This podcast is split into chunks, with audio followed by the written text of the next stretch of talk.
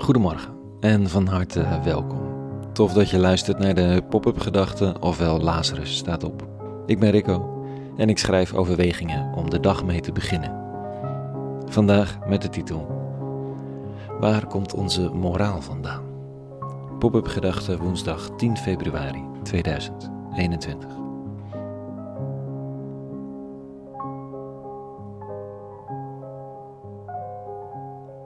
Het is nog te vroeg om al te technisch-filosofisch na te denken, maar het is natuurlijk wel een uiterst legitieme vraag. Waar komt dat besef van goed en kwaad vandaan en het idee dat het verstandig is om er in elk geval een aantal leefregels op na te houden? Is het door eeuwenlange strijdende evolutie ontstaan? We sloegen elkaar zo vaak, zo lang en zo effectief de hersens in dat het wat stilletjes werd op aarde, waardoor we rond de tafel zijn gaan zitten en een contract hebben opgesteld. Of is het aangeboren, ingegoten, geprogrammeerd in onze cellen, dat we nu eenmaal voor de ander willen doen wat we graag voor onszelf willen? En is het enkel af en toe een afwijking her en der, wanneer iemand toevallig niet het goede gunt aan de ander? Beide benaderingswijzen hebben een kern van waarheid en doen geen recht aan de werkelijkheid. Het is niet dat de mens automatisch de ander kapot wil maken, maar tegengehouden wordt door een onderlinge afspraak. Het contract sociaal, zoals sommige filosofen zeggen. Natuurlijk is er sprake van, maar het is niet alles. Er is veel meer aan de hand. Tegelijk kun je ook niet zeggen dat de mens nou eenmaal liefdevol van aard is en we slechts de afwijkingen binnen de menselijke soort aan de teugel moeten houden. Natuurlijk is er liefde in de aard van de mens, maar Iedereen die kinderen opvoedt weet dat er veel werk aan de winkel is in het aanleren van moraal. Aardig wat werk. Of is dat alleen hier thuis zo? In dat geval kan die tweede theorie nog waar zijn. Vorig jaar dropte de vraag in mijn inbox of ik een stukje wilde schrijven voor een boek met deze titel: Waar komt onze moraal vandaan? De schrijver die zou mensen van allerlei geloofsovertuigingen en ook mensen die geloofden dat ze geen enkele geloofsovertuiging erop nahielden, vragen om antwoord te geven op deze ene vraag naar de bron van de moraal. Al nadenkend kon ik niet anders concluderen dan dat in christendom de moraal voortkomt uit de liefde. De opdracht tot liefde is de zin van alle morele handelen. Elke morele handeling vindt zijn vervulling daarin. Wie lief heeft, hoeft niet te checken of het in, in het tien geboden contract staat dat iets wel of niet mag. Wie lief heeft, heeft die wet al lang vervuld. Nou, en wie dan lief hebben? De ander, jezelf, God.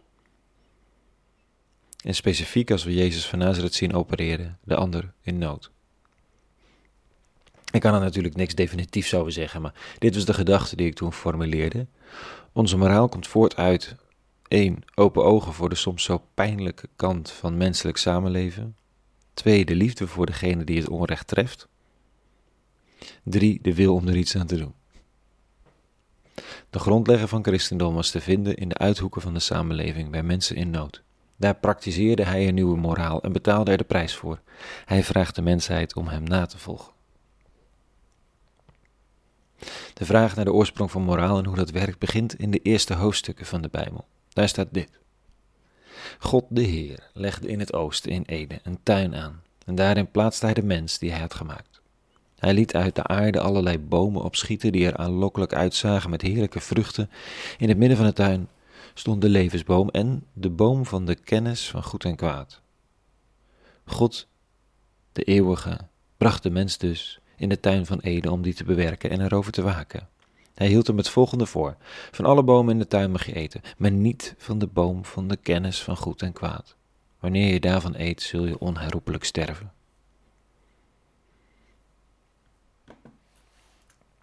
Een raadselachtige tekst met een mythische boom.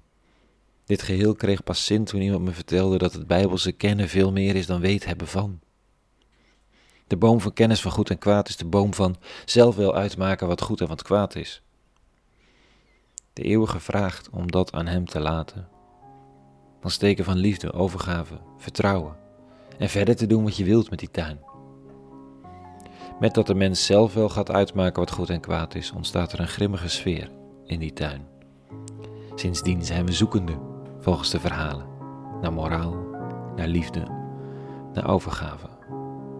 Al lerend met vallen en opstaan, wat het is om mens te zijn, wat het goede is en wat het is om werkelijk lief te hebben. Tot zover de pop-up gedachten van vanochtend. Een hele goede woensdag gewenst. Morgen weer een nieuwe pop-up gedachte en voor nu vrede gewenst en alle goeds.